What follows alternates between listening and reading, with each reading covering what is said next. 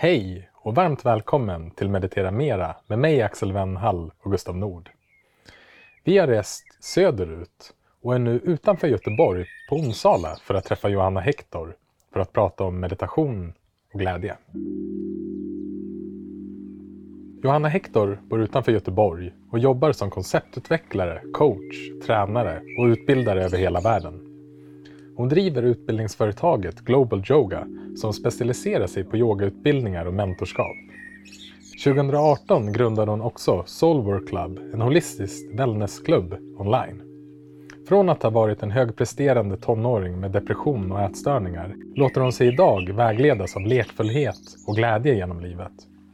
Och meditation och glädje är precis det vi ska prata om med Johanna idag. Hur kan meditation hjälpa oss att bjuda in mer glädje i livet? Vad är sinnlig sensualism? Och vilka tips har Johanna till alla oss som vill både meditera mera och njuta lite mer av livet?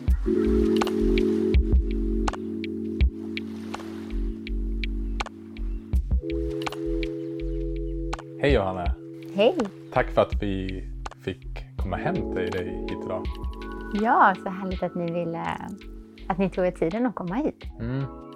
Vi har ju badat tillsammans och eh, vi alla tre, du och jag Gustav, har insett att vi älskar att bada. Ah. Och eh, nu när vi spelar in det här så är verkligen sommaren här. Och det är helt ljuvligt utanför. Man kan säkert höra det när man lyssnar Ja. på den här podcasten. Vi sitter i en i er lilla gäststuga och Mm. spelar in och fåglarna kvittrar utanför. Mm. Jag tänkte att vi ska hoppa in i vårt samtal om meditation alldeles strax. Men först bara göra en kort landningsmeditation Mm. som eh, vi tre kan göra här inne. Men också som du som lyssnar kan göra. Är det så att du kan stanna upp där du befinner dig? Att inta en bekväm position så kan du göra det.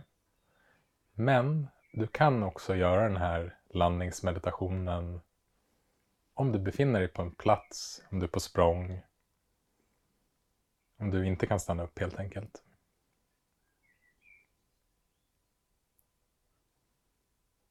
Men vi som sitter här kan bara först notera var vår uppmärksamhet befinner sig just nu.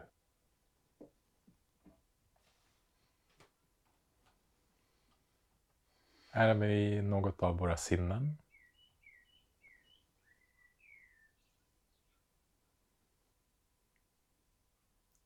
Är en påtaglig känsla närvarande?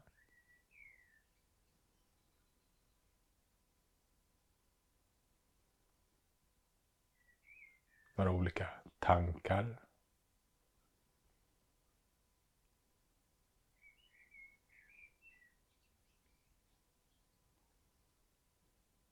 Bara bli medveten vad som pågår i dig just nu.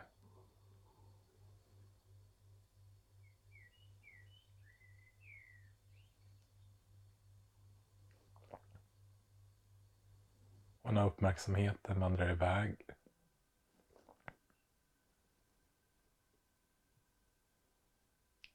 så är det ingen större överraskning. Det finns ingen anledning att reagera på det. Utan bara vänd tillbaka uppmärksamheten igen, mjukt, enkelt, till kontakten.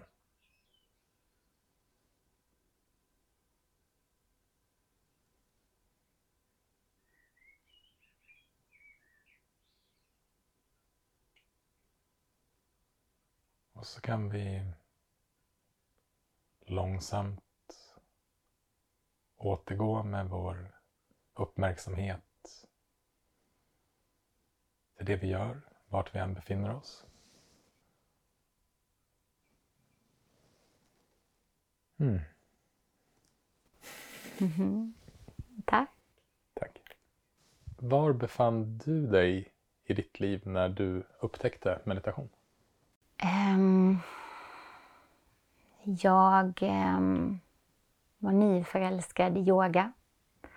Och ehm, um, jag hade precis börjat viga mitt liv åt yoga. Älskade yoga. Reste jorden runt för att få studera med olika yogalärare, fördjupa mig i yoga. Och um, kände väl någonstans här att det här med meditation är en viktig del av yoga. Men dittills hade jag inte vaknat upp en enda morgon och längtat efter att meditera. Jag hade längtat efter att få rulla ut yogamattan och få andas och röra mig i olika positioner och, och så. Så där kände jag så här, hmm, alltså det kan ju inte vara alla andra som skriver meditationsböcker det är fel på, utan det är ju det är någonting jag missar här. och eh, då eh, gick jag, då åkte jag på ett eh, äventyr just efter att söka efter meditation för mig. Så att, eh, det var eh, väl någonstans 2000, jag tror det var övergången mellan 2005 och 2006. Och min pappa hade precis gått bort efter en långtidssjukdom. Och jag började då söka efter meditation i, um, i Indien bestämde jag mig för. Um, för jag var jätteintresserad av, um, det fanns flera tekniker eller skolor som jag ville studera och en av dem var Vipassana. Så jag började där. Så jag satte mig på ett flyg till Indien och eh, till Delhi helt själv. eh, och eh, tog tåget upp till Dharamsala. Skrev in mig där på eh, mitt första Vipassana-retreat. Och jag eh, hade jobbat ganska intensivt. Ehm, livet hade verkligen gått i 110 efter min, pappa, min pappas begravning och så. så att jag kände nog också en sån enorm längtan efter att få vara tyst i 12 dagar. Det var många som sa att det är jättesvårt, det är utmanande och så. Men jag, jag kände en sån längtan efter att få vara på en plats där jag inte kände någon, där jag inte behövde prestera och där jag kunde få gråta oavbrutet i 12 dagar och ingen ställde en enda fråga till mig. så eh, så det, var, det var det mesta jag kommer ihåg när du ställde den frågan. Därifrån så eh, ja, har meditation tagit mig på många olika resor. Men det var startskottet skulle jag säga. Och det här då vid Passana retreatet, var det ett Goenka vid Passana retreat? Det var det. Yes. Ja, Goenka, hardcore Goenka. Mm. Eh, så det var eh, de här eh, fil, eh, video, liksom, de här eh, banden man lyssnade på. Där han sjöng på pali liksom, i de här morgonen, vad är det, 04 man går upp till 06, där, de här två timmarna. Och eh, där han sjunger. Och, alltså, och det, var så, det var så fascinerande för jag kom ju dit och, och hade förväntningar på att, eh, att jag bar på så mycket sorg och att, eh, att mitt liv hade gått väldigt snabbt och att jag skulle be behöva komma ikapp mig själv och att det skulle vara väldigt, väldigt tufft. Så jag hade de förväntningarna.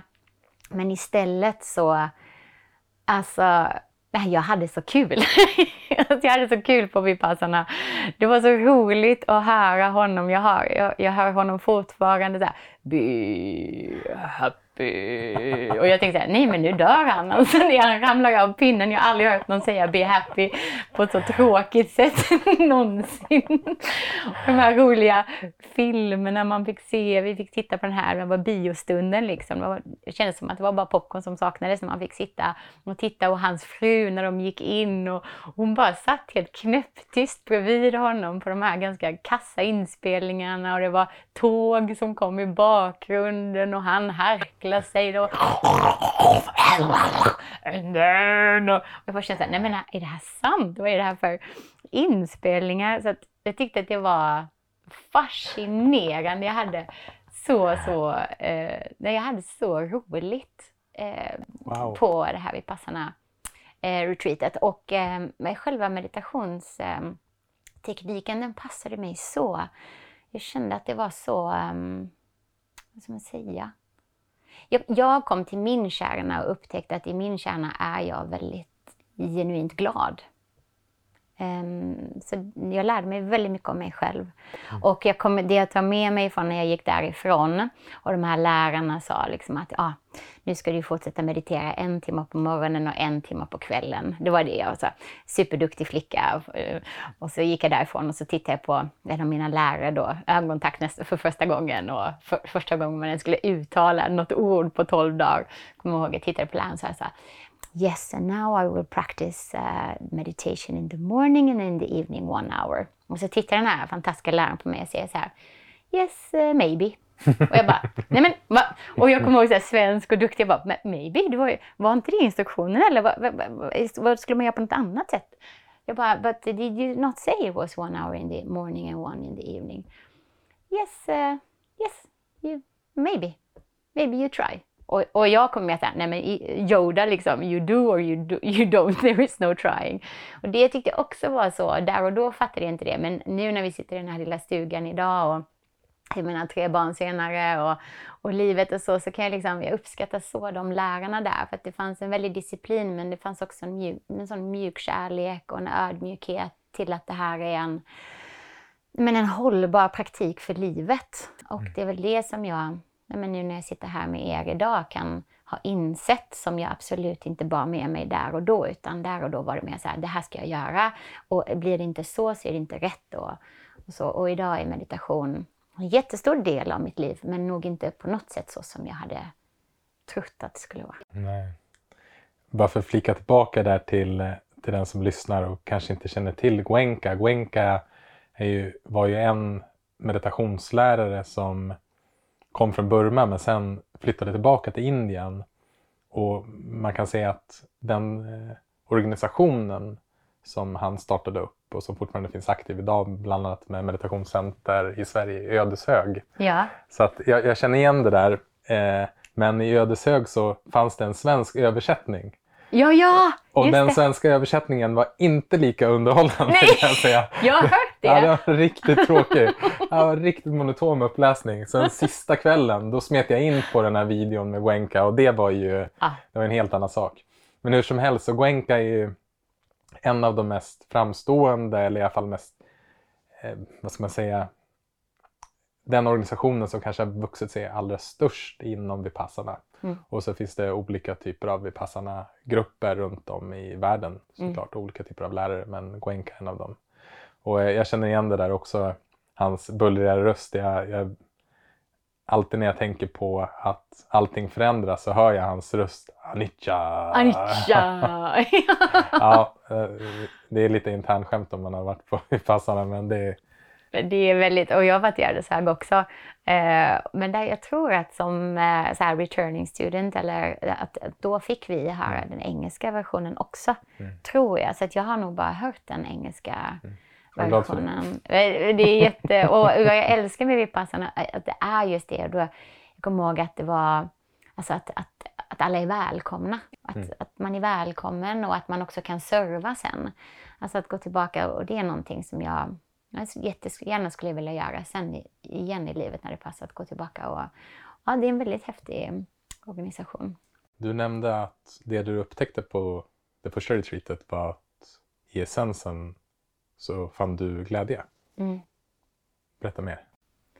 Det var, för, alltså det var förvånande och um, jag hade väl den här förväntan att, um, att det skulle vara mycket sorg och att det skulle vara ganska mörkt. Att jag skulle få möta mig själv och alltså det andra hade berättat för mig. Eh, men, men det finaste någon sa till mig, tror jag, och det som jag tar med mig Därför brukar jag inte prata alldeles för mycket om Vipassana. Eh, men just det att ha... Alltså prata inte med någon om Vipassana innan du ska göra Vipassana. Det är så lätt att vi färgar av oss. Att vi färgar så här, att det här var min upplevelse. Och så förmedlar jag över den till dig och så förväntar du dig att du ska ha den upplevelsen. Och då är det nästan lite som att vi blockerar den upplevelsen vi egentligen ska ha. För att det är så lätt att ta på oss alla andras Mm. upplevelser. Mm.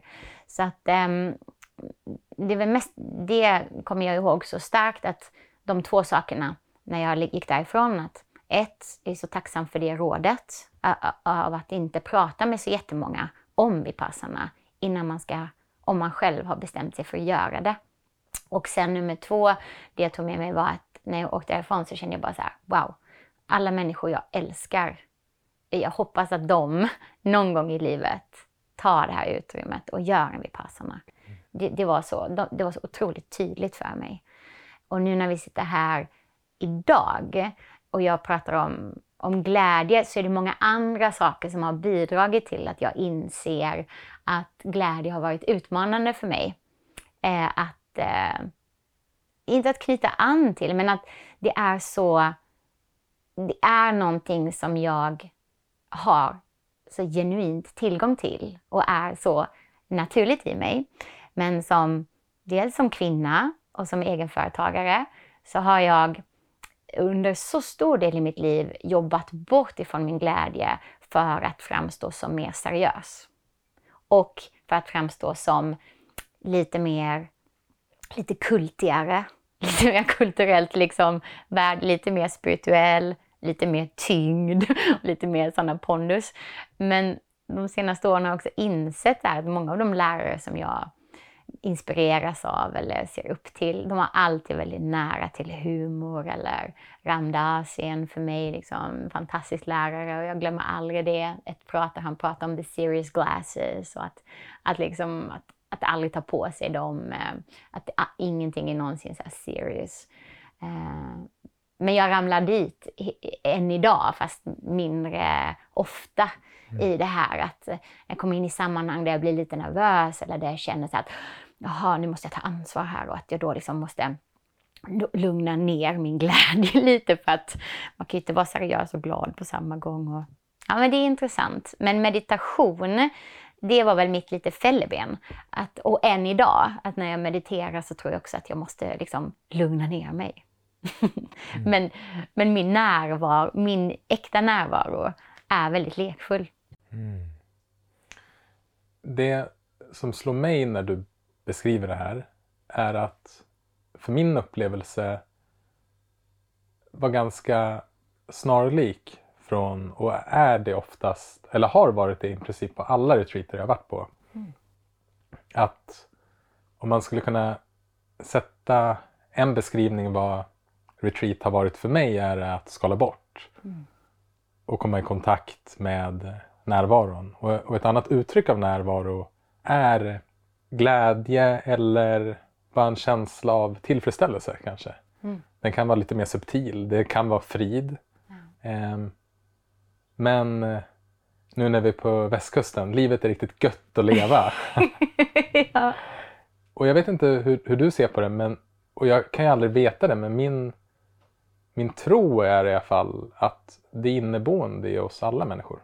Mm. Vad tror du? Jag tror också det. Um en av mina lärare, eh, Raffia, han, han beskrev glädje som en konsekvens av att vara sann. Mm. Och, och det resonerar jag väldigt mycket med. Och det kom också upp för mig nu när du sa det här med närvaro. Att det kommer från det hållet istället. Att det inte är eh, att vi kan aldrig forcera glädje. Alltså, utan det kommer från när vi är autentiska eller äkta då, då är det, det ofta den spontana responsen på, på livet. Eller i alla fall en av dem. Eh, och att det kan bli liksom, det kan vara förundran, men det kan också vara det, här, det här med stillsamma. Eh, och, och, att sen har vi tillgång till, eh, till flera av dem. Alltså att även andra känslor av det också. Eh, mm, och att jag tror också där har vi kanske olika men, eh, liksom essenser i vår själ, olika faser i livet. Att vi också har vissa känslor som vi eh, knyter an till eller känner också oss mer hemma i. Vissa tillstånd som är mer näringsrika för varandra. De är inte, de är inte bra eller dåliga, men vårt samhälle värderar det så himla mycket bra och dåligt och mer och mindre värt och, och sådär. Så det, det upplever jag oftast är det som tar oss bort ifrån den vår naturliga essens. Och det upplever jag att meditation tar mig till. Mm. Eh, och att jag också kan möta dig i din. Så att om din sån idag skulle vara en lite, lite lugnare eller en lite, kanske en, en, en liten touch av sorg eller en liten touch av någonting så skulle vi ändå kunna mötas där om jag var i min glädje och du var i din sorg till exempel. Och att vi inte behövde merga eller smälta eller att jag behövde inte ge upp min känsla av glädje för att du kom med sorg eller, eller vice versa. Det upplever jag oftast i situationer om man, nej men som nu när vi träffats och du guidade den här fina närvaromeditationen i början. Att det, det är ju så fint att få samexistera och jag känner mig trygg att vara mig för att jag känner att du är trygg att vara dig. Mm. Jag ser det också som att meditationen kan ha flera olika syften. Mm. Och det finns liksom inget rätt eller fel eller bättre eller sämre på något sätt. Och när jag kom i kontakt med meditation så var det bland annat ett sätt för mig att få ett verktyg för att hantera stress. Men det finns också ett djupare plan och det är just det här som du beskriver i att bli mer medveten om vad det innebär att leva autentiskt. Mm. Att komma tillbaka, så här, men vad är, vad är sant för mig? Och där tycker jag också att meditationen hjälper en på ett sätt. på ett sätt är det när man har börjat meditera och börjat öppna upp för den här typen av medveten, inre medvetenhet så kan man inte heller riktigt gå tillbaka. Mm. Och det är någonting som jag tror att vi som håller på med meditation, vi är dåliga på att berätta om det här. Vi är väldigt bra på att berätta om ja, man kan hitta den här glädjen. Men att gå emot det som är sant för en, mm. det är som att hälla råttgift i en system. Mm. Det gör så jäkla ont. Mm. Och det skaver så mycket mm. när man inte lever i eh, sitt autentiska liv. Mm. Och precis som du beskrev, men när man gör det så är det som att ah, vad, vad underbart allting är. Det är så himla enkelt. Ah, och så bara ah. Och det kan man notera på olika sätt. Det kan vara alltifrån att jag kan notera det, nu ljuger jag. Alltså fan vad ont det här gjorde att ljuga. Jag hade inga problem som helst innan jag mediterade och dra den här vita lugnen. Nej. Men nu, nu är det som att så här, ja, det här är, det gör ont i mig. Mm. Och, och där tycker jag också att, att eh, ja, men meditationen är det äventyret på det sättet att det kan hjälpa oss att se, okej, okay, var lever jag autentiskt? Var jag inte sann mot mig själv? Mm. Och också bara komma ihåg det att ibland det man upptäcker är smärtsamt. Det är det. det jag relaterar absolut till det du säger. Och en nyckel som hjälper mig mycket där är att vara nyfiken. Mm. Alltså att, att igen inte komma in och, och vara så hård mot oss. När vi upptäcker vår mänsklighet. Mm. Eh, utan återigen bara såhär, wow, mm. jag ljuger fortfarande, okej. Okay. det, det hjälper mig. Eh, och ehm, jag och min man, vi brukar ofta prata om det, att, alltså att ha någonstans att kunna möta varandra med glimten i ögat när livet är som stressigast eller som när det hettar till och, och vi går in och det, det märks på oss. Alltså det märks på att han går in och blir seriös, jag går in och blir seriös. Ett, tu, tre, vi två seriösa vuxna med tre galna barn och ett, tu, tre, så, uh, uh, uh. och så blir det här och de gånger då vi kan liksom fånga upp varandra och se varandra så här, hej, där, är du där? Mm. Hej, där bakom. Och där är jag också. Och bara, och då är vi ett och tre, han är den lilla pojken och jag är den lilla liksom och vi bara såhär, I don't know, I don't know. och vi båda kan säga såhär, har du någon koll? Bara, jag har ingen koll men jag bara försöker hålla ihop det här. Och vi bara, ah, okej, okay, bra, vi kan vara i det här, jag har ingen aning, du har ingen aning. Men det är så lätt problemet blir när vi går in och sätter så otroligt höga förväntningar på oss själva. Att vi ska, jag borde ha koll på det här eller jag, medit- alltså, jag borde vara mer äkta för jag vet ju hur ont det gör när jag inte är det.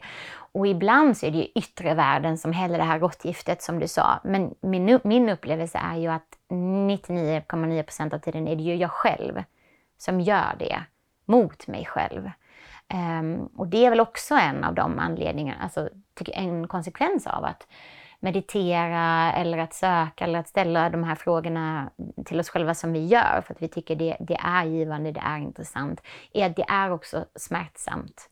Därför att man märker också själv hur jag skapar hela tiden min egen verklighet och att jag hela tiden går, fortsätter gå i vissa fällor, mönster, jag upprepar saker och så blir det den här samsara av att så blir jag frustrerad på mig själv och så har jag inte tålamod med mig själv. Det är ju väldigt sällan egentligen att det är min man jag inte har tålamod med utan det är ju mig själv jag blir trött på.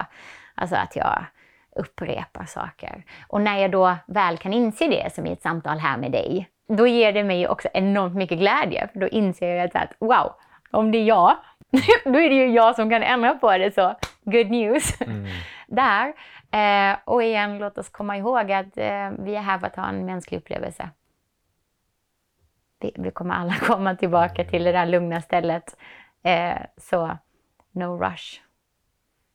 Jag tror eh, nyckelordet som fastnade hos mig när du beskrev det där är just nyfikenhet. Mm. För just nyfikenheten, det är så fascinerande att till och med en av de mest jobbiga känslor som ångest eller stark oro, bara genom att skifta perspektiv, att gå från, jag brukar oftast prata om det här som du också var inne på, det här, åh nej, inte det här.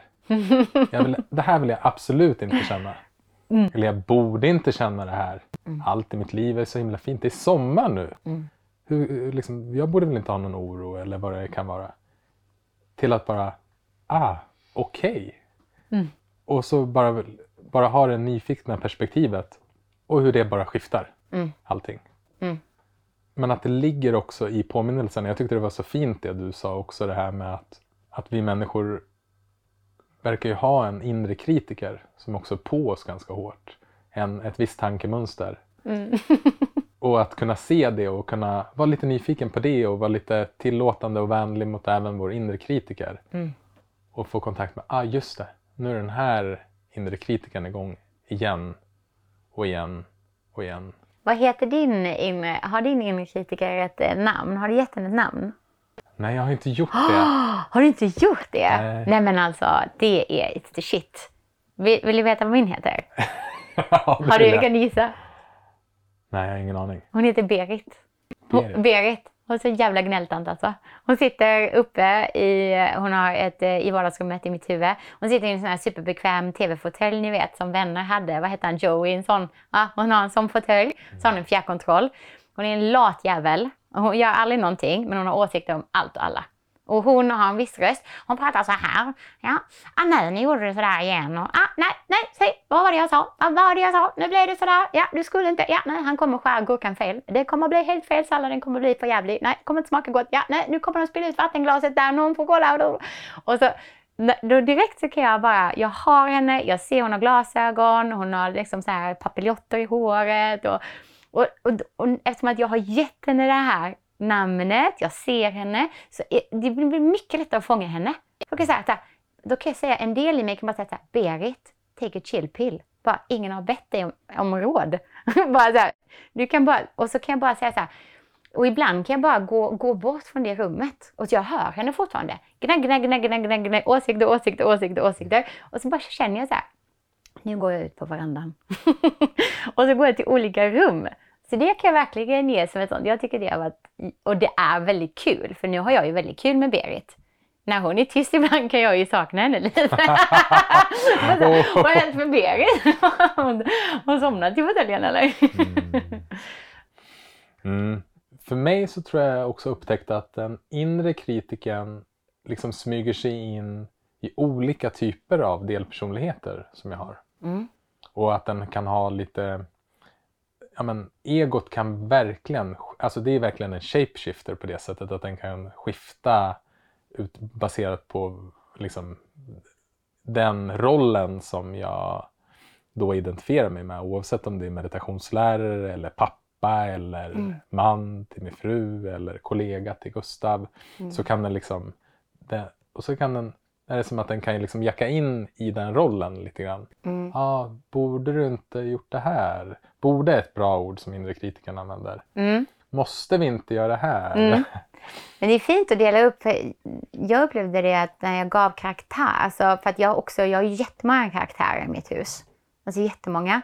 Men det blir också väldigt tydligt. Ibland är det mitt, alltså min, min, min femåring som är frusen fast av olika anledningar. Alltså min, min, mitt sårade barn. Och sen har jag, jag har många olika karaktärer och alla, när jag blir lite, när jag hör, jag, sen hör jag ju min mamma, jag har min pappa Alltså, jag, jag har ju mina, liksom, min familj som fortfarande liksom, talar. Ibland hör jag ju, när jag uppfostrar mina egna barn, att hör jag ju så som min mamma gjorde, som jag lovade mig själv att så ska jag aldrig göra. Och så hör jag bara plupp, så är, är hon där. Och, och någonstans, någonstans så hjälper det att det blir inte så, eh, de blir inte så kamouflerade. De kommer inte in i livet på riktigt samma sätt. Plus att det blir också väldigt roligt. Så eh, det, det, det, är svårt att känna skuld och skam på samma sätt när de har de här roliga karaktärerna.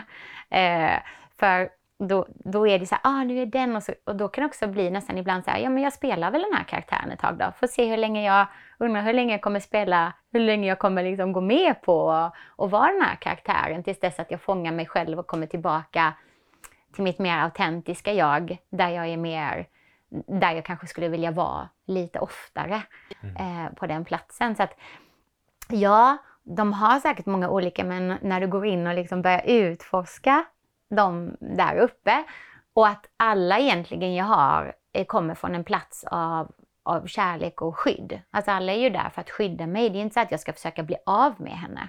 Eller någon av dem. Utan eh, alla de upplever jag där, de är ju där för att de är rädda för eh, min, min trygghet, min säkerhet eller och sen så har ju de alla olika liksom, men jag gör det här för att jag älskar dig eller skyddar dig eller här för att du inte ska bla bla bla bla bla bla bla. Och så har vi massa olika stories. Um, och det är någonting som jag brukar, nej men också när jag jobbar med coaching eller så ibland, att det har, och det har jag sett hur det hjälper har hjälpt många andra att lyfta fram de karaktärerna och, och leva ut dem nästan hela vägen ut på ett konstruktivt sätt, alltså att det blir destruktivt, men på, så att man får tillgång till det hela vägen ut. För jag tror att, alltså vad är det man säger det här, what you uh, resist persists. Det tycker jag är så tydligt. Att så fort du försöker bli av med något eller säga att jag vill inte veta av den här delen hos mig själv. Men då, det, allting växer sig starkare i mörkret. Och då, det enda som händer är att vi blir bara omedvetna om det. Eller att vi kanske, att det blir någon backlash av det. Och det kan vi ju se i många, vissa spirituella lärare och sådär, när det ska bara vara på ett visst sätt, när inte allting är, är välkommet och tillåtet, genuint så är det ju oftast någonstans att det går åt helvete eller att hela systemet rasar för till slut blir det ohållbart för att det är inte byggt på en stabil grund. Men ja, ha kul med det. Mm, men, och, och, och det skulle jag säga att det är en så himla fin påminnelse för när, när man är närvarande och medveten, till exempel när man mediterar och kan komma ihåg det här, så är det ju precis det man kan få tillgång till. Att man kan få möta alla de här delpersonligheterna som vi alla har. Och om det skulle vara så att du som lyssnar nu inte riktigt hänger med på vad en delpersonlighet är så tycker jag en fin beskrivning är att när man är identifierad med en delpersonlighet som vi har pratat om så har man alltid ett visst perspektiv, en viss syn som man ser livet på. Mm. Man, man är inte öppen för olika perspektiv utan en, en eh, delpersonlighet eller kanske en mera tema som har varit mycket för mig på slutet har varit rättvisa. Mm. Och det är ju ett intressant koncept. Så här, vad är rättvisa? Mm. Det, exakt. Och, men återigen att kunna få bli medveten om de här delpersonligheterna med lite mer lekfullhet, mm. lite mera, framförallt mycket, mycket mera kärlek. Mm. är så himla viktigt. Och gå ut och testa det. För det är ju en sak, upplever jag. Alltså när jag mediterar, det var ju därför Vipassana var så lätt för mig. För jag behövde inte interagera med någon. Det var ju som ett litet paradis. Alla bara höll med mig hela tiden. Det var ingen som sa emot. var ingen, äh, och sen, äh, för mig har alltid den största utmaningen har ju varit att integrera. Med familjeliv, med företagande, med andra människor som jag inte alltid har valt. Och, alltså, och, och det är det som blir spännande, att jag kan få utrymmet, alltså sätta den här grunden i min meditation. Och sen är det, det är där jag liksom det är då jag sen är redo att gå ut och bidra. Och då får jag ju testa det och vara nyfiken på det. Ta med rättvisa till exempel. Att sitta och, och reflektera eller meditera kring det. Att, eh, och att sen gå ut och agera på det ute i verkliga livet och då lägga märke till för det är lätt att sätta sig på höga hästar i sitt eget mentala slott och, och tycka och tänka saker. Men det viktiga är ju sen, okej, okay, hur... När du sätter ner foten mot asfalten, eh, hur eh, verkligen Ehm, kan du implementera det i mötet med människor? I, i din familj, i, på ditt arbete. För det är en sak att ha debatter och antingen i sitt eget huvud eller som politiska debatter och tycka och tänka saker. Men det intressanta är ju sen, ja men i dagliga livet, hur stor del tar det då? Och blir, det, blir dina tankar till handlingar? Agerar du på det sättet som du visualiserar eller som du utforskar i ditt sinne? Tar du med det ut sen i mötet, i världen, i, i verkligheten? Mm. Ja, för mig är det det enda intressanta. Mm. Ja, men jag håller helt med. Vi eh, träffade den amerikanska meditationslärarinnan Sharon Salisbury. Ja, ja hon är i, fantastisk. I förra avsnittet. Och hon har sagt ett av de absolut mest värdefulla citaten om meditation som jag har hört och det är att We don't meditate to get better at meditation, we meditate to get better at lives. Mm. Och det tycker jag liksom för mig också sammanfattar vad meditation är för mig mm. och vad jag tycker det riktiga värdet är. Och då som exemplet med rättvisa är det ju bara att jag, jag tror att om jag inte mediterar så hade jag till slut fått nys på att vänta nu här, nu har jag en väldigt liksom smal världsbild över vad som är rättvisa för mig. Men det finns också andra perspektiv. Men det meditation och medvetenhet hjälper till med att komma dit lite snabbare mm. och se att aha, okej, okay. men den här bilden jag har av rättvisa, hjälper den mig? Är den konstruktiv? Mm. Gör den mitt liv bättre? Mm. Och om den inte gör det, kan jag släppa taget om den? Och vad händer då? Mm. Och det är det som är så häftigt att kunna, för då, när man får det, när det liksom klickar i, så då släpper det taget av sig självt jag kan liksom inte riktigt styra det så länge, så länge jag är identifierad med den världsbilden av vad som är rättvist. Så ja, men då är det ju det som är min sanning. Men när jag kan se att, aha, jag kommer må bättre om jag kan flytta perspektiv. Om jag kanske kan bara mjuka upp kanterna på vad som är rättvist och se att det hjälper ju inte mig. Mm. Det hjälper inte den här situationen. Det verkar inte... Min bild av rättvisa verkar inte vara i samklang med verkligheten. Och verkligheten vinner varenda gång. varenda gång. så att jag kan ju ha mina idéer om vad som är rättvist eller inte. Mm. Och ibland så är de jätteviktiga. Mm. Men verkligheten vinner. Mm. Precis som du säger, det att få marginalerna, att inte vara så reaktiv. Och att eh, bli varse bli vilket perspektiv, alltså vilka, vilka, vilket färg har jag på glasögonen i den här situationen och att, att som du reflekterar kring att du ens har olika färg på glasögonen och är medveten om att nej, men du ser inte saker så som de är. Du, du ser saker så som du är och att du är intresserad av att utforska att eh, laborera med det och att testa olika eh, färger på glasögonen och att testa att, att, leka med det. Och det är ju att att komma ihåg vår mänsklighet. Och återigen, att vi behöver vara nyfikna, att vi behöver inte vara för seriösa, för hårda, men vi behöver ändå vara disciplinerade. Och att det är inte motsägelsefullt. Det, där tror jag att många av oss snubblar, att det blir lätt allt eller inget. Att det blir superstrikt och vi lägger jättemycket belastning på oss själva och höga förväntningar.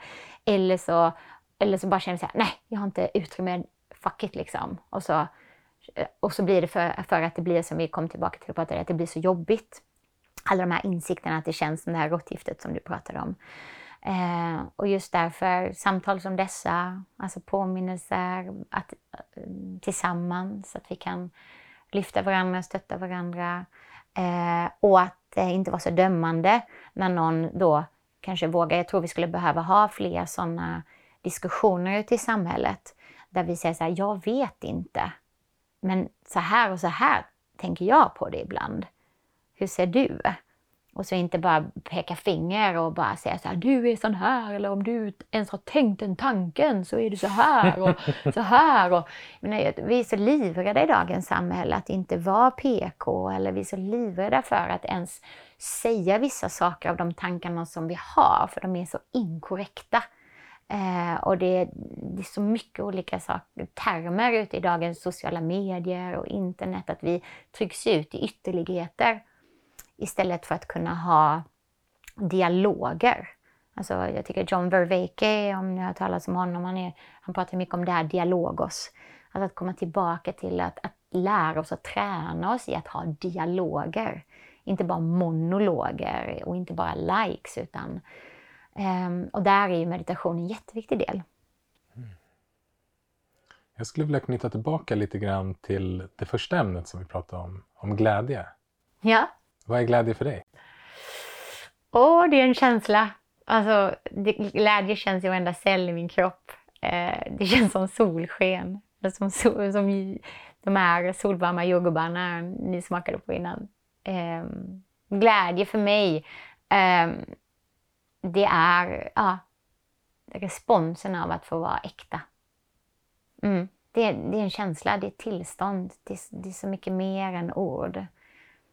Färgen är gul, smaken är söt, um, känslan är varm, uh, rörelsen är uppåtstuds.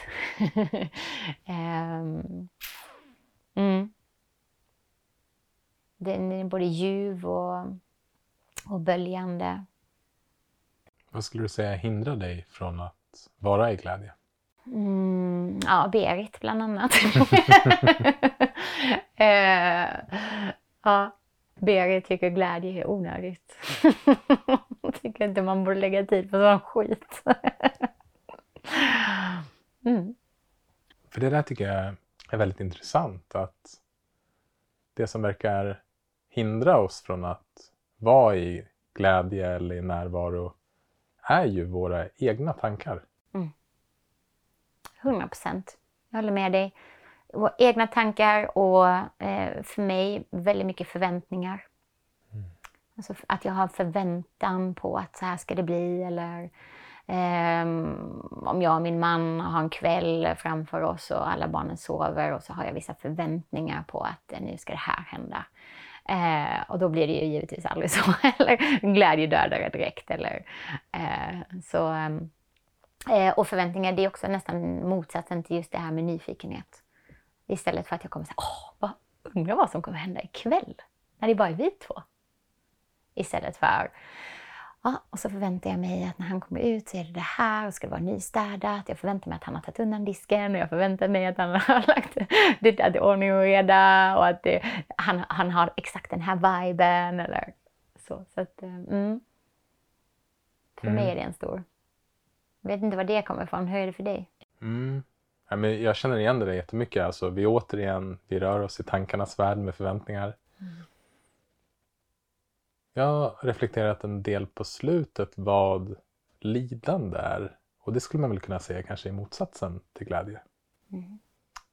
Och när jag satt med den frågan för någon vecka sedan så verkligen kände jag att ja, men det är motstånd.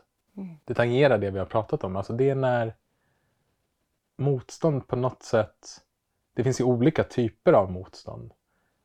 Men en definition, definition av motstånd som landade ner i mig, det är när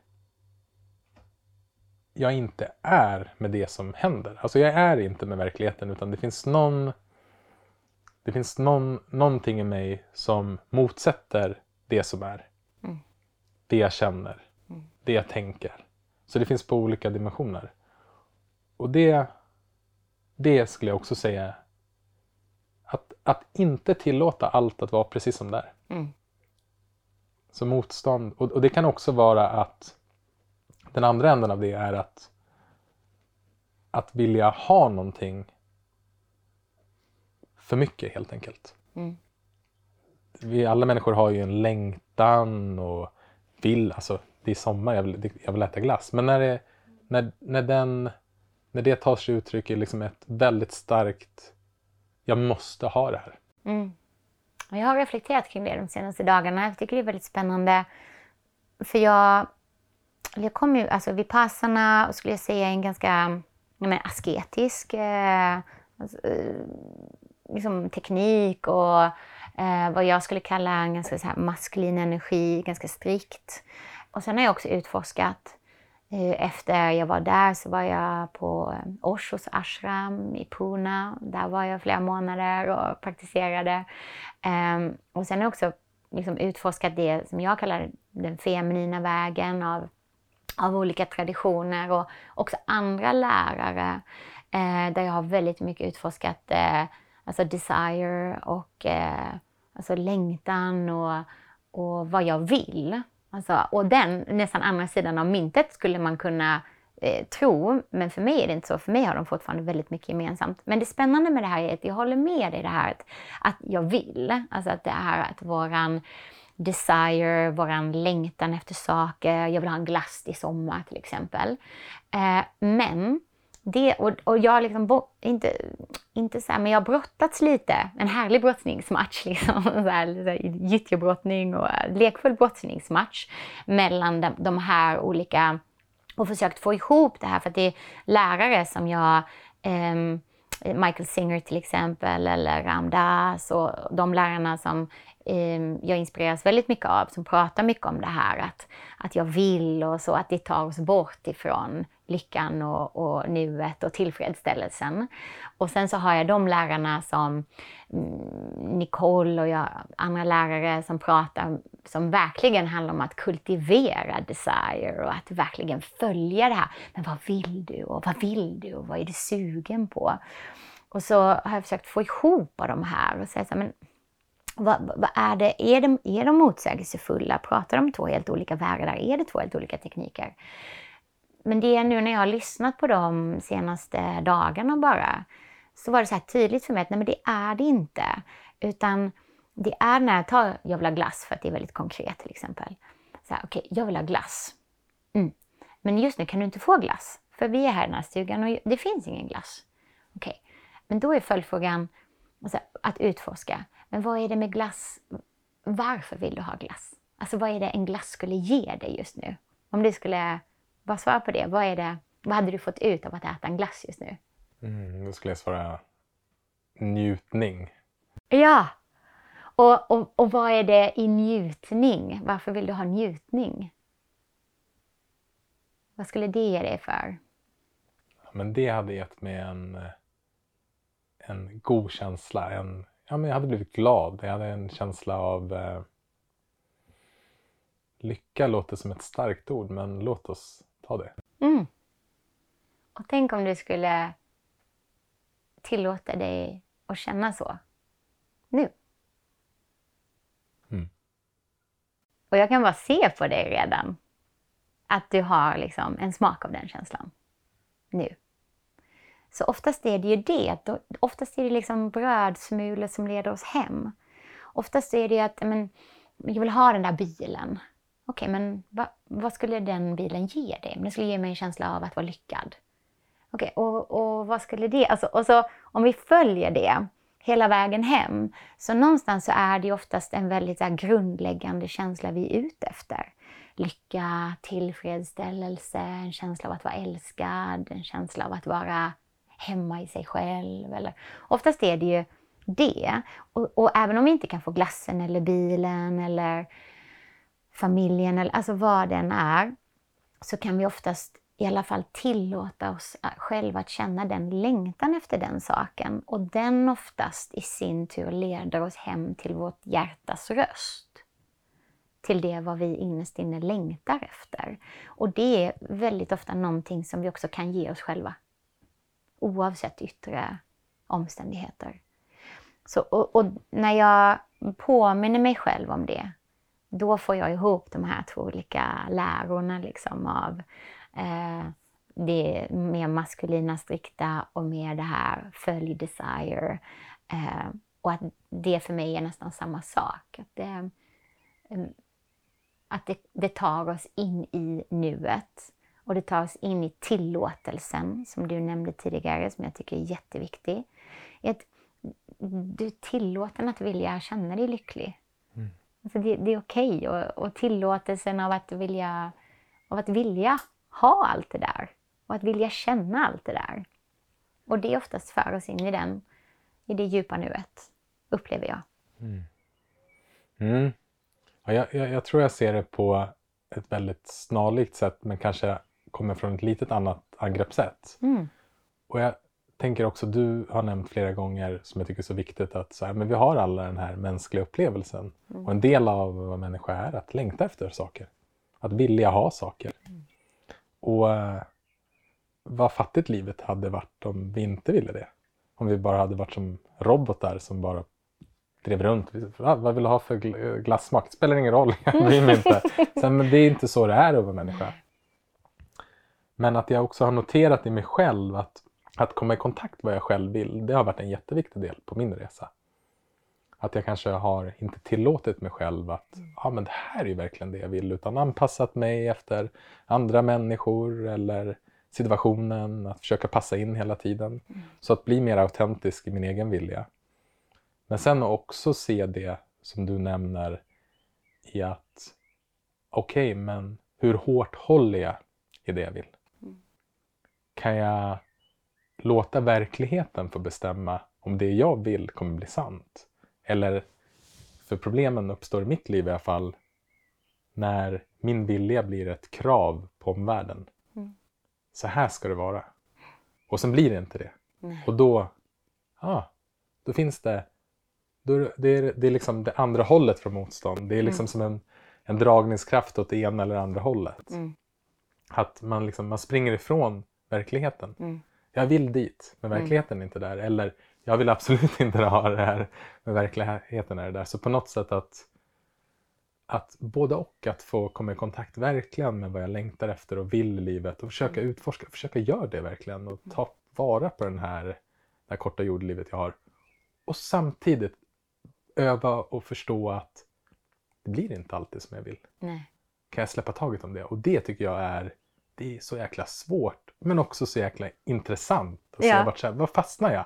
Ah, här fastnar jag. Igen! Ja, Igen! igen. Ja. Och oftast är det ju de olika, eh, återigen där hjälper det att ha lite koll på sina olika karaktärer. Mm. För oftast är det ju de sakerna, alltså vem, vem av dig är det som vill de där sakerna? För det, det kan ju ibland vara men ett kontrollbehov och att ditt autentiska jag egentligen vill inte det. Men, men din inre domare vill det.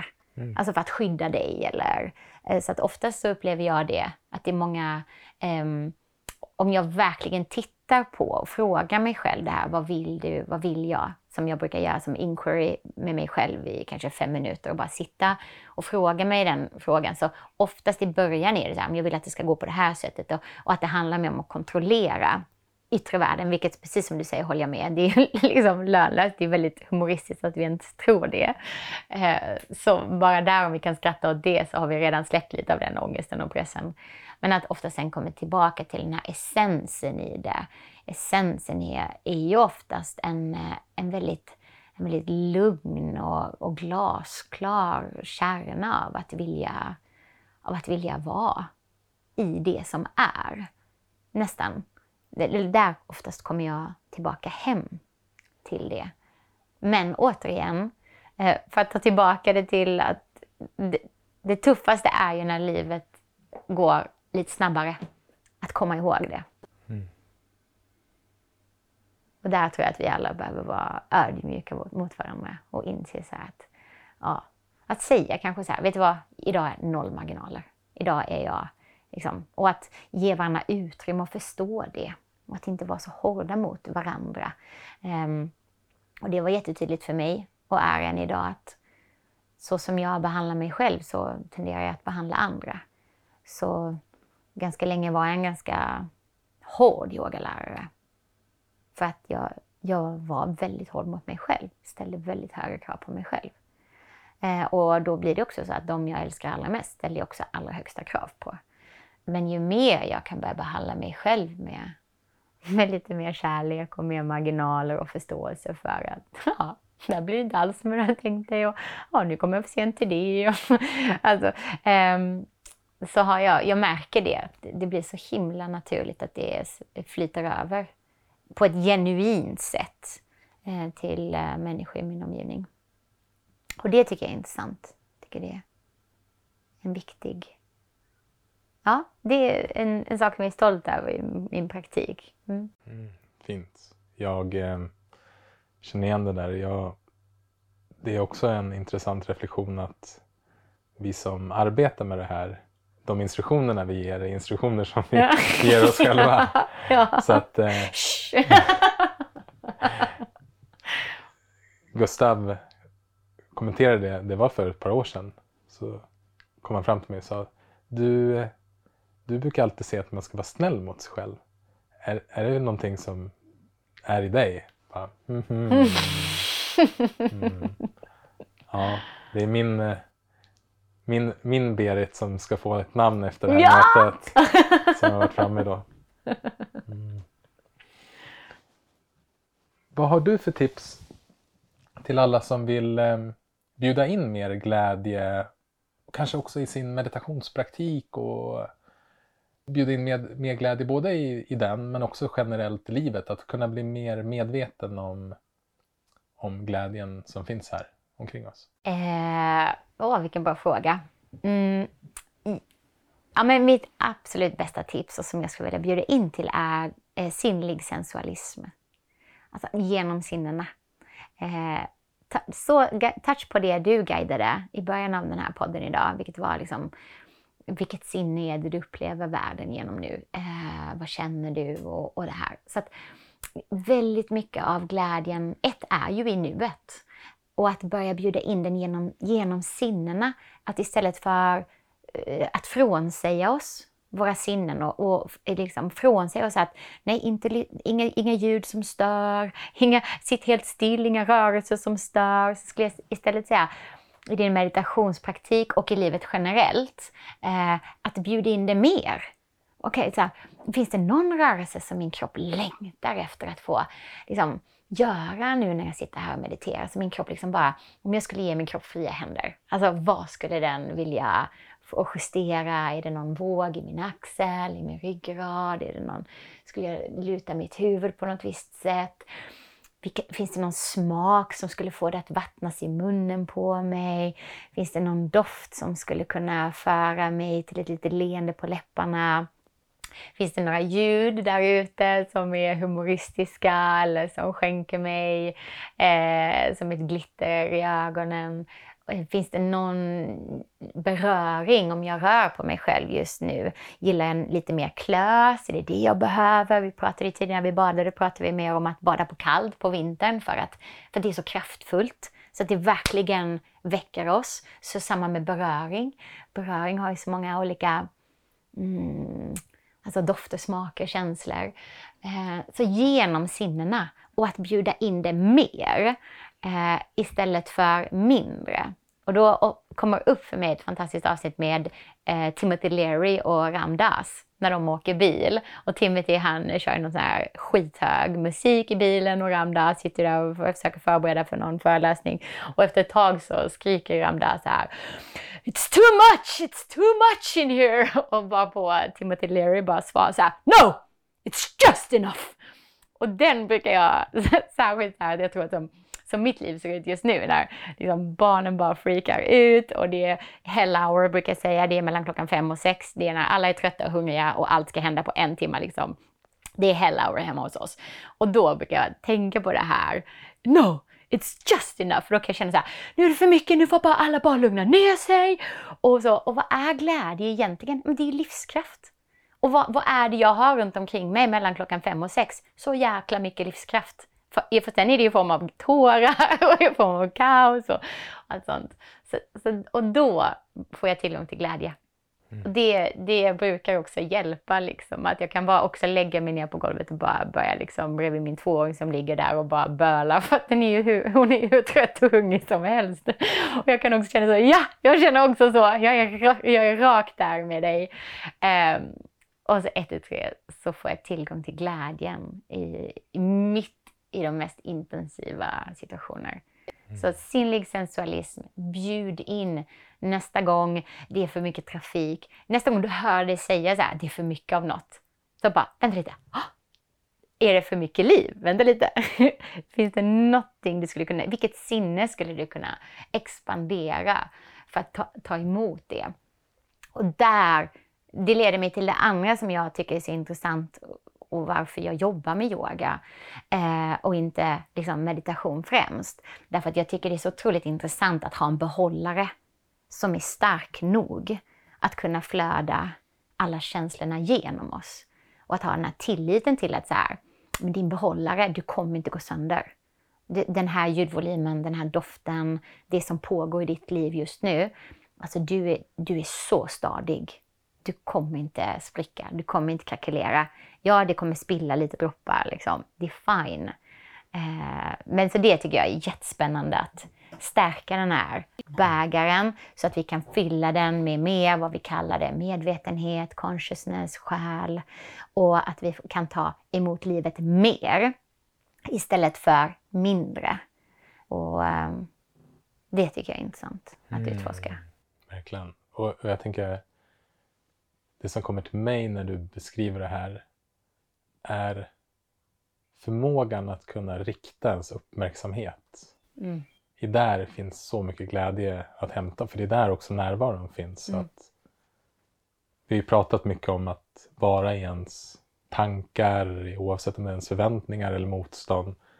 Men också att kunna se, ah, okej, okay, vill jag ha kvar min uppmärksamhet här eller kan jag bara lyssna på fågelkvittret?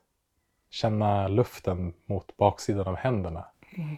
Hitta det här mer subtila. Mm. Och sen, det andra som kom upp för mig när du beskrev glädje var också ordet tacksamhet. Som jag tycker är så nära besläktat med glädje. För varje gång jag kommer på och känner och liksom inte bara gör det som en, okej okay, nu ska jag vara tacksam, utan bara, ha, det här är jag tacksam för. Då jag inser jag att jag också, men jag är glad. Mm. Jag är glad mm. redan nu. Mm. Glädjen finns här. Mm. Du, vi ska avsluta med en, en del som vi kallar fem snabba och sen ska jag lämna över micken till dig. Ja. Så det första som kommer upp. Vem eller vilka skulle du vilja bjuda på middag? Det här kan alltså då vara döda eller levande personer. Wow, häftigt. Du får bara säga tre. Tre? Och, Ramdas, eh, Nicole Didone och eh, min pappa. Vilken bok eller dokumentär skulle du vilja tipsa? The Untethered Soul. tycker jag är en fantastisk bok. Vem har skrivit den? Eh, han, han, heter väl Michael Singer. Det tror jag. Mm. Förlåt, nu äter jag kakan mitt emellan. Mm, det är underbart. Ljudtekniker bara. mm. Förlåt. Sinnlig sensualism. Om, det, om du tycker så här, it's just enough, Gustav. It's just enough. It's not it's too perfect. much. It's perfect. It's perfect. it's perfect. Mm. När var du ledsen senast? Oj, eh, det var jag säkert igår. Eh, det som kom upp för mig när jag var riktigt ledsen, det var att jag eh, spelade Fields of Gold på en yin-yoga-klass eh, som jag höll. Och det var också låten som jag spelade på min pappas begravning. Och det blev så här överväldigande starkt. Så jag bara grät genom hela låten. Mm. Det var också väldigt skönt. Vad är du tacksam för just nu? Att få bjuda in er här till den här stugan och eh, att jag kan säga hej välkomna hem till mig, här bor jag. Med min familj. Ja, djupt tacksam över det. Vilket är det bästa rådet du fått? Mm, don't sweat the small stuff and it's all small stuff. Tack! Tack själv! Så um, jag eh, lämnar över ordet till dig, så mm. får du guida oss. Ja, vilken innest. Eh, jag känner att det skulle spontant vara fint att få guida på temat eh, sinnlig sensualism. Så jag bjuder in till det. Um, Så var du än befinner dig i detta nu så um, jag vet att hela du är välkommen här. Precis så som du är. Alla delarna av dig är välkommen här. Låt andetaget bölja över kroppen. Om du vill kan du andas ut genom munnen och släppa käkarna. Låta tungan breda ut sig i munnen. Lägg märke till om det finns någon del av den här kroppen som skulle kunna bli lite mer bekväm. Och jag vet att du säkert är jättebra på att vara okej okay med det som är. Men just nu, se om du kan bjuda in din inre diva och ta för dig. Ge tillbaka till den här kroppen som gör så mycket för dig dagligen. Kanske är det någon beröring, ett sätt som du vilar huvudet på eller någon tillåtelse att breda ut sig, att välkomna den här lilla kroppen, att, att vila på den den stora kroppen av Moder Jord. Vetskapen om att du alltid är välkommen här. Alla delarna av dig. Välkommen att vila med din fulla tyngd. Och du kan aldrig vara för mycket för henne. Eller ta för stor plats.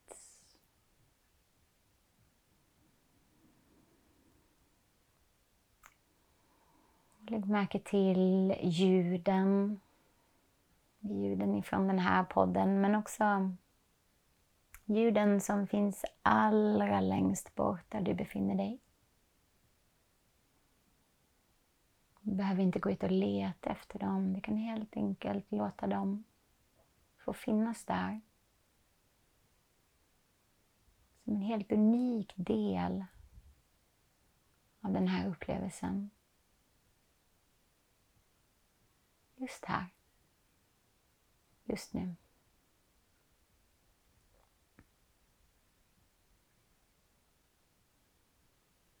Och lyssna sen till ljuden som finns nära. Precis i närheten. Ljudet av min röst. Tystnaden däremellan. Och vet att du inte behöver koncentrera dig på mina ord. Du är välkommen att sväva iväg in i din egen närvaro. Och helt enkelt ha ett mjukt ankare till min röst.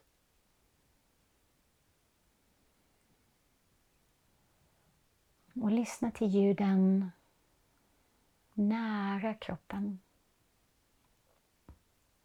ljuden precis utanför öronen. Ljuden runt bröstkorgen, magen.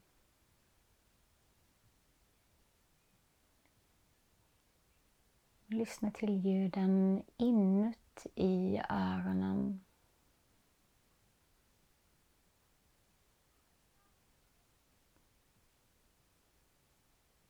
Välkommen hem till dig själv. Välkommen att vila din uppmärksamhet bakom bröstbenet i hjärtats oändliga oändlighet. Och här är du välkommen att vila precis så som du är.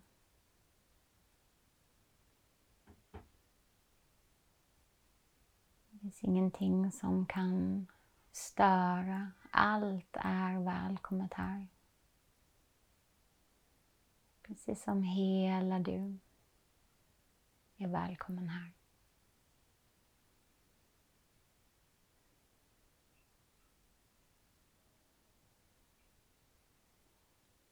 Låt en mjuk uppmärksamhet sprida sig bakom bröstbenet som ett varm sommarsol strålar ut över höger nyckelben. Och solljuset rinner hela vägen ner i höger tumme. Pekfinger, långfinger, ringfinger och lillfinger. Flyter ut över hela höger hand. Handled, armbåge och axel. Flyter ut över höger bröst. Ner över höger sida av magen hela vägen ner i höger höft. Solljus rinner ut över höger lår, knä, vad, ankel och häl. Böljandes över höger fotsula hela vägen ut i stortån Andra tån, tredje tån, fjärde tån och femte tån. Hela höger ben, hela höger arm, hela höger sida av kroppen.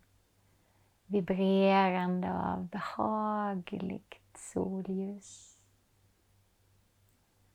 Och det är så oändligt att det flyter ut över vänster nyckelben och hela vägen ner i vänster tumme.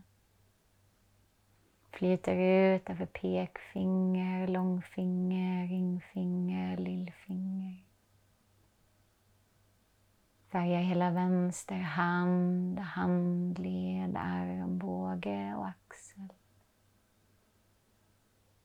Flyter ut över vänster bröst, vänster sida av magen och hela vägen ner i vänster höft. Över vänster lår, knä, vad, ankel och häl. Böljandes över vänster fotsula hela vägen ut i ståtån. Andra tån, tredje tån, fjärde tån och femte tån. Hela vänster ben, hela vänster arm, hela vänster sida av kroppen färgar hela kroppen, hela kroppen, hela kroppen. Lysande som solen själv. Och solen går ner över kroppens framsida och landar i ett stilla mörker, nattsvart stilla. Hela kroppen mörk i djup vila. Solen går upp över kroppen, strålar ut i fingertoppar och tår, strålande som solen själv. Och hur skulle det vara att vara både ljus och mörk på samma gång? Att ha tillgång till både vakenheten och vilan samtidigt. En del av dig klarvaken och en del av dig djupt vilandes på samma gång. Vaken och vilandes samtidigt.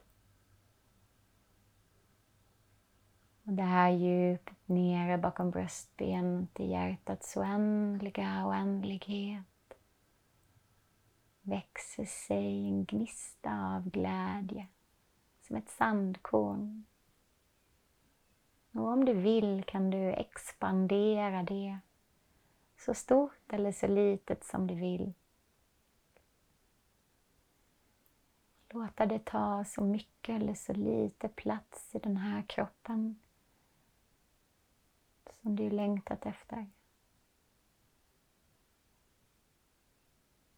Och vet att du alltid har tillgång till det här sandkornet av glädje. Oavsett hur ljust eller mörkt det än är. kan du alltid återvända hit.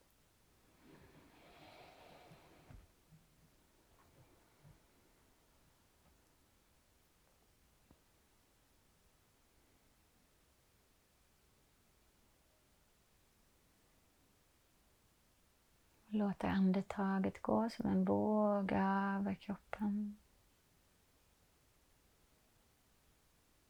Lägger märke till den här lilla kroppen som vilar mot den stora kroppen av Moder Jord. Lägger märke till konturerna och börjar lyssna till ljuden utanför öronen. Ljudet av min röst och ljuden allra längst bort.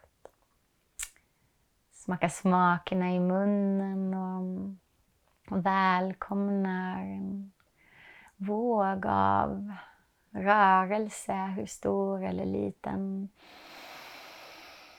Kanske som en gäspning. Nu vill återgå till det lite mer vardagligt vakna tillståndet. Om ögonen har varit slutna kanske du vill blinka dem öppna och ta in det som finns nära och långt borta. Att saker och ting kan vara både nära och långt borta på samma gång. Och välkommen hem till dig själv. Tack för den här stunden. Tack. Mm -hmm. Och tack för att vi fick komma hem till dig idag. Tack för att ni ville komma. Verkligen. Vilken fin eftermiddag. Mm. Ah. Så nice.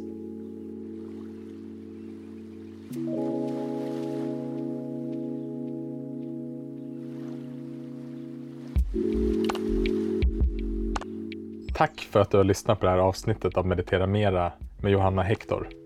Vi hoppas att du har blivit inspirerad av vårt samtal och av Johannas meditation. Om du vill komma i kontakt med Johanna hittar du hennes kontaktuppgifter på vår hemsida mindfully.nu. Och är det något vi har tagit med oss från vårt samtal med Johanna är det att både namnge våra inre kritiker men även att bjuda in våra sinnen så att vi kan få in mer glädje i livet. Ta hand om dig så hörs vi snart igen.